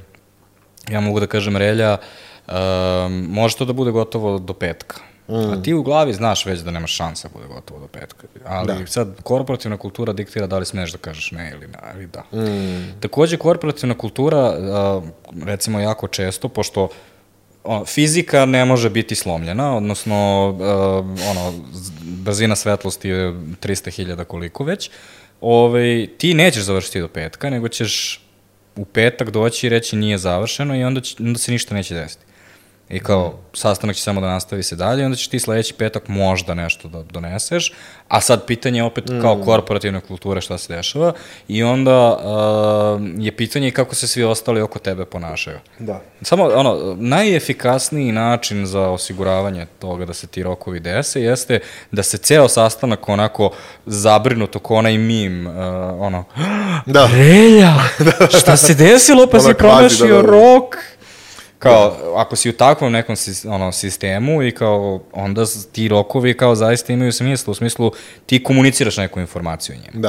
A ako ne, onda se samo gađamo i dozvoli nadjebavamo. Pa ulazimo kao. u Game of Thrones i ulazimo u taj, u to, u tu neku matematiku u glavi, uh, ja ako kažem ovo, on, ja znam da u našem, u kontekstu našeg sistema to znači zapravo uh, E, sledeće nedelje i znam da ćemo na narednom sastanku svi malo ne, da se gledamo prećutno kao niko nije stigao, ali onda čekamo ko će prvi da zezne i onda nema veze, o programeri nisu završili, ne mora ni kampanja, hvala, da, hvala. Naš, ono, i, mislim, i pravi, praviš tu jednu atmosferu saučesništva u ono, bežanju od odgovornosti neke. I da, to je, to je zanimljivo pitanje, sad ne znam koliko želiš tu ono, kantu crva da, da, da otvaraš. Pa možeš, e, možeš da uzmeš blanku poziv za narodnu epizodu o rokovima, na primjer. Ne želim. a, ostalo je još jedna stvar, a to je pored to-do liste, mm. a, koja ima KKK, a, postoji u stvari nešto što se zove meeting minutes, Mm. što naši ljudi često pogrešno tumače kao zapisnik sa sastanka. Mm. Na sastanku prisustovali drug Jankolovski, da. drug Deneta. Ove, uh, kao, kako se meeting minutes razlikuje od zapisnika? Pa i tu se opet razlikuje kako ko definiše meeting minutes, jer ja kad sam malo gledao, spremajući se za ovu epizodu i, i radeći neki kao research, ovaj, e, ne, to stvarno zavisi od organizacije do organizacije, što je i važniji sastanak i posebno, ja to imam iskustvo zapravo iz nevladinog sektora, kad imaš recimo sastanak, ne znam, upravnog odbora organizacije, imaš zapisničara koji vrlo beleži ono tog diskusije, zaključke, izglasano je to i to i tu je jako važno da su da je to baš ozbiljan zapisnik sa sastanka. E, u korporativnom, to je poslovnom svetu, imaš realnost tvojih potreba nasuprot tvojih mogućnosti šta može da budu meeting minutes, što, šta je vama potrebno, znači šta, šta je opet svrha meeting minutes? Svrha je da na neki način osiguramo kako da kažem, da, da dopri, meeting minutes bi trebalo da doprinesu da to što je sastanak postigao se svi slažemo, razumemo šta smo se dogovorili, da se to onda desi. I meeting minutes su kao neki poziv na uh, ono, zajedničko kolektivno znanje i odgovornost da smo nešto dogovorili i da to treba onda da se desi. To je ono, to je taj za, nije samo zapisnik ovo se desilo, nego ovo je zaključeno, da treba, ovo su odluke, ovo su action, ono, naredni action steps i to je onda I zapisano. ko ih radi? Molim, I ko i kada. I jako je važno što kad je zapisano, nema prostora, e, mnogo je manje prostora, u odsustvu meeting minutes, to je u odsustvu nekog zapisnika šta je dogovoreno i šta je plan, ostavlja se ogroman prostor za tumačenje ko je kako shvatio šta smo se dogovorili ili ne. Ja zato volim čak i kad nemamo meeting minutes da vrlo jasno kažem na kraju dakle dogovorili smo se to i to.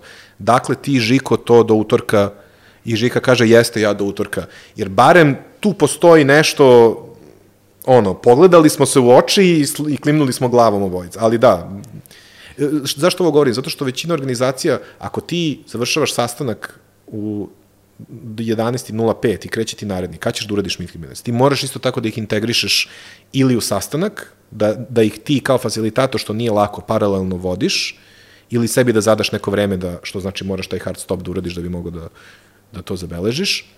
Meni lično, ja volim da imam, ja vodim neki, neku vrstu minuca tokom sastanka, zato što i meni ta pauza dok zapišem nešto, je pauza i da promislim to što se dešava i pauza i, za, i prostor i za, za ljude koji učestvuju na sastanku da možda urade kratak ono, uh, ok, to smo smislili. Tako da zapravo i nije loše da to, mo, to može da vodi ta osoba koja vodi sastanak. Nije lako u početku jer je to onda paralelni neki procesing, ali ako ti imaš za cilj da postaneš dobar i u vođenju meeting minutes, ti onda sebi daješ za pravo da budeš sporiji u tome i to je okej okay onda. Ali takođe je neophodno da u stvari vodiš ceo sastanak tako da vodi meeting minicu. Mm. Ove, I tu je recimo problem u tome kada uh, nama je neophodno da se ovo završi u toku dve nedelje, ali ne može da bude gotovo za dve nedelje. Mm. I šta je meeting minutes? Kao ovaj rekao ovo, ovaj rekao ne može i šta sad? E, je? i- I njih dvojica verovatno u glavi imaju da je ovaj rekao da ne može, što znači da neće biti, a ovaj drugi pitanje je da li je I tu dolazimo do onoga što si spominjao, a to je taj Game of Thrones moment gde sada ja znam da sam rekao da mora, tako da je neko rekao da to mora da se desi, ovaj je rekao da ne može i mi smo ostavili u etru tu, to je zapravo odsustvo odluke šta radimo sa tom situacijom. Znači imamo situaciju koja je nerazrešena. I onda onaj nesretni praktikant mora da napiše siva zona. Da, da. I, I onda dobar facilitator dođe i kaže imamo nerazrešenu situaciju. I to je, između ostalog, posao facilitatora, pratiš šta se dešava i kao, ok, ti kažeš da, ti kažeš A, ti kažeš ne može A, šta ćemo s ovim? Pa ne znamo. Dakle, nemamo, dakle, trenutno nemamo, odlu... znači moraš da napraviš neki zaključak oko toga. Mm. I sad si otprilike opisao, mm. ove, ja inače kada god pokušavam da objasnim šta radi menadžer mm. ove, ili menadžerka, ove, imam ogromne probleme. Uh, mm. ove, to je posao koji je jako teško objasniti, jako je presudan. I recimo ovo je jedna od stvari, znači praćenje svih tih stvari koje se dese na sastanku i onda njihovih implikacija.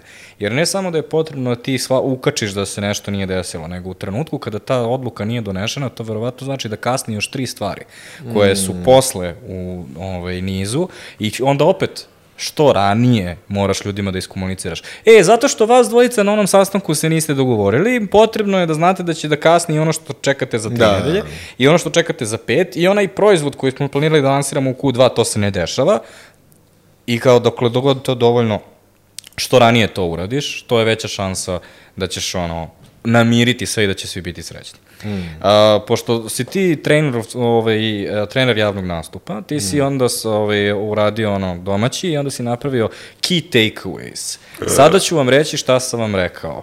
Da. Aha, sad ću da zapravo zaokružim Da li možeš da, da daš neku ovaj, onako sumaciju šta ljudi ovaj, treba da pripre, primene na svojim sastancima?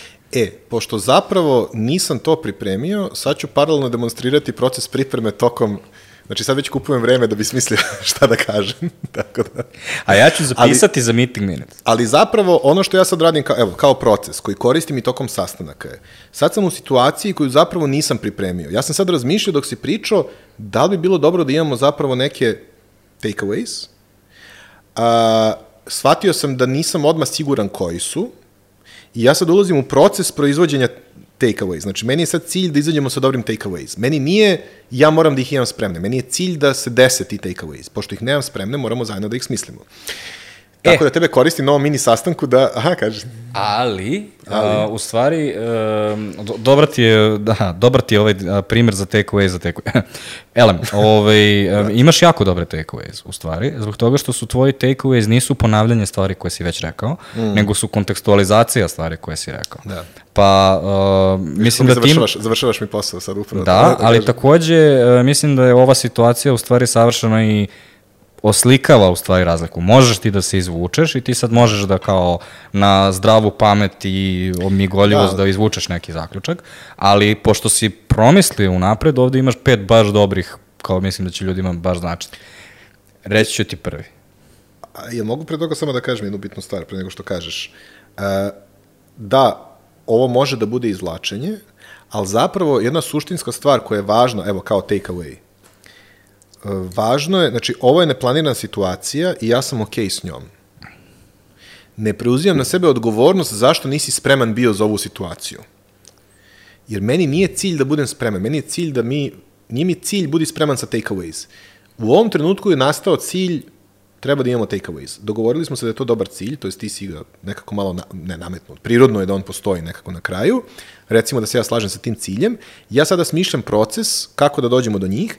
Važno je da ljudi skinu sa sebe, znači jedna važna stvar je, sastanak je previše dinamična stvar da biste bili spremni za sve, skinite sa sebe samokažnjavajuću odgovornost da morate da ono budete strava spremni za sve. Ne, vi treba da budete spremni i otvoreni za proces da dođete do cilja a ne da budete spremni sa svim koracima tačno kako će se desiti da se dođe, dođe do cilja. Eto, to je jedan bitan možda take away. To ti je treći. Odlično. A koji je bio prvi? Prvi. Uh, vođenje sastanaka je veština. Da. Uh, Hoćeš da dodam nešto? A, da. Da, vođenje sastanaka je definitivno veština u smislu, e, zato što je veština znači da se vežba. Kad, si, kad smo pričali ono kao recimo ljudima je teško da kažu za hard stop, naglas uzmi sebe, majke mi, snimaj se i kaži, ako ti je teško to da uradiš, ako vidiš da ti je teško to da uradiš na sastanku, ako dođeš i kažeš ljudi treba da, i shvataš da ne osjećaš autoritet da kažeš moramo da završimo pet minuta ranije, to znači da nisi to nikad naglas izgovorio, zapravo. Uzmi kameru, stavi kameru i snimaj se, ljudi, moramo da završimo pet minuta ranije. I onda ćeš prvi put da pogledaš snimak i bit će u fazonu ljudi, ako bismo mogli da završimo. E, i onda ćeš sebi reći, aha, vidiš na ovom snimku, malo sam, ajde da probam, za- zadaj sebi ono, oceni sebe i zadaj sebi novi zadatak. Hoću da budem sigurniji. Ljudi, moramo da završimo. Da... I uradi to 15 puta, ti vežbaš kako da izraziš ono, neku informaciju sa jednom sigurnošću itd.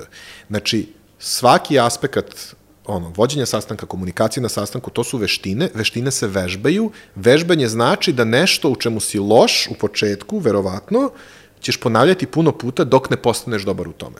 Ono što je nezgodno kod vežbanja komunikacijskih veština generalno je što ih često gledamo kao odraz naše generalne inteligencije i sposobnosti i samim tim svaka greška nam je strašnija, uf, ja sam sad nešto pogrešno rekao, ljudi me vide kao ne znam kakvu osobu. Da, to nisi umeo lepo da kažeš, sad ćeš da naučiš da ga kažeš lepo. Tako da da, to je veština, veštine se vežbaju, napravi konkretne zadatke, ne jedno veliko promišljanje zadatka koji ćeš jednom da uradiš, ne da razmišljaš 20 minuta šta da kažeš pa kažeš jednom, nego tokom 20 minuta kaži 20 puta.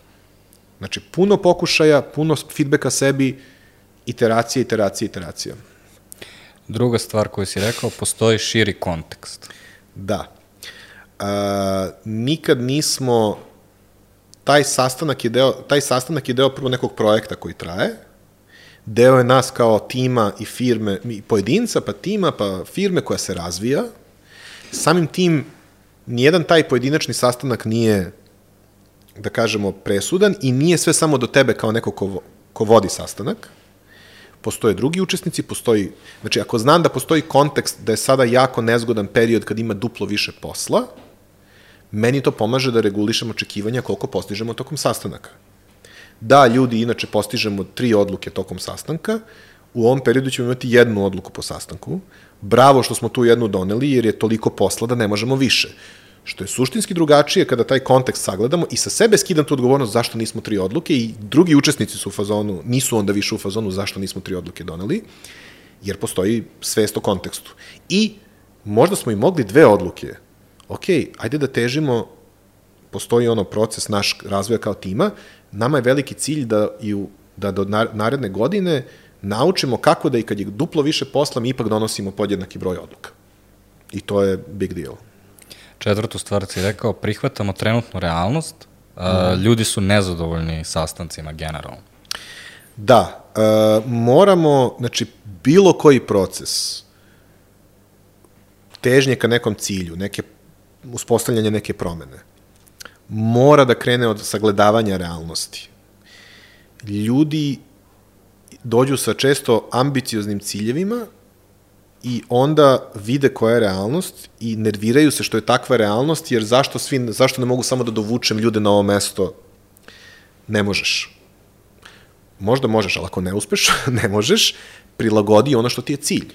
Znači, ako je trenutna realnost da recimo su klijenti nepoverljivi ka, da je taj tip klijenata nepoverljiv ka marketinškim agencijama. Recimo, svaki startup koji digne investiciju, je nepoverljiv ka bilo ko, ko dođe i kaže da mu nešto treba i ponude neku cenu, jer svi su čuli da ovi su sad podigli neku investiciju i sada svi hoće da nas oderu. Znači, a mene nervira i imam super rešenje za njega. Ne, ti ne možeš, tebi cilj onda nije da prodaš. Tebi je cilj narednih godinu dana da sa svakim startupom samo uspostavljaš poverenje. Znači, moraš da prihvatiš trenutnu realnost, koliko god se ona tebi ne sviđala, jer je to način da onda kažeš realan cilj u odnosu na ovu realnost i čini mi se taj, ovo je plan za taj cilj i onda kad postigneš taj cilj, postoji realno zadovoljstvo, e, uspeli smo da se ovuda pomerimo, I to zahteva jednu zrelost i pomeranje od očekivanja da si ti kosmički car koji će uvek postići sve najveće uspehe. Ne, nekad je najveći uspeh taj, to malo pomeranje zato što je sve, sve jako propada, ali si ti usporio propadanje. Bravo. Pa ja sam teo baš da uspe, pa mislim ne kao sve propada, ali kao ovde je malo manje propalo, u ovom kontekstu, bravo, prihvataš realnost i nešto si uradio u odnosu na nju. I poslednja stvar je no sikiriki, odnosno šta ne uspe sad, probat ćemo sutra. Da, a, u velikom poredku stvari sve je okej. Okay. To je, mislim, posebno bitno reći. Na konto onoga što si pričao, ljudi koji su toliko obsednuti time, ovaj posao je važan, ovo je sve i tog stvaranje neke veštačke važnosti, to stvaranje veštačke važnosti, mislim, to mi je, um, kako da kažem, kada sve to sklonimo i kad se malo umirimo, shvatimo da sve što se dešava to nije problem šta se dešava, problem je naša reakcija. Naša reakcija je to pujdanje, ovo je važno ili ja, ovo je frka. Ne? ne, mnogo je važnije sagledati tu širu sliku, možda se malo vraćam u jedan kontekst, ali e, kada znam da postoji šira slika, nijedna pojedinačna stavka nije toliki problem, samim tim moj generalni stav treba da bude nosi kiriki, to jest sve je okej, okay. aha, desio se upravo problem i jako kasnimo. Ok, šta ćemo da uradimo s tim? Već kad si na tom mestu, to ne znači da negiraš postojanje problema, ali to znači da tvoja reakcija nije ovo. Kad je tvoja reakcija mirna i kažeš ovo je veliki problem, treba da ga rešimo. To je suštinski druga energija nego ovo je problem i a, šta ćemo da radimo. Tako da da, nosi kiriki. to su tvoji five takeaways. Yeah. Yeah. Ove, isjećat ćemo to u klip sa, sa, sa tim tvojim prstićima. Hvala ti puno što si istražio temu i pripremio se. Ovo, verujem da je to učinilo razgovor kao mnogo smislenijim. Um, ovaj, a vi ako ste došli do ovde, onda vam se dopala naša priča. Zapratite nas na našem YouTube kanalu, bilo koje audio platformi ili ni nemojte bolje. Ove, zato što ove stvari o kojima mi pričamo uopšte ne zastarevaju i onda umesto toga da nas pratite i čekate svaku nedelju, a vi kada vam se sluša nešto, vi jednostavno prođite naše stare epizode i proberite teme koje vas zanimaju. Tema koja se naslanja na ovu temu je sigurno 139. epizoda o radionicama sa Kaćons ili recimo 86. epizoda u kojem Miloš i ja bistrimo o tome o radu, kliznom radnom vremenu, odnosno radu od 9 do 5 ili freelance radu. Čuli ste da smo pričali u jednom trenutku o LinkedIn polovima, ja ove epizode često pripremam na svom LinkedInu, tako da zapratite me tamo ako hoćete da se dopisujemo.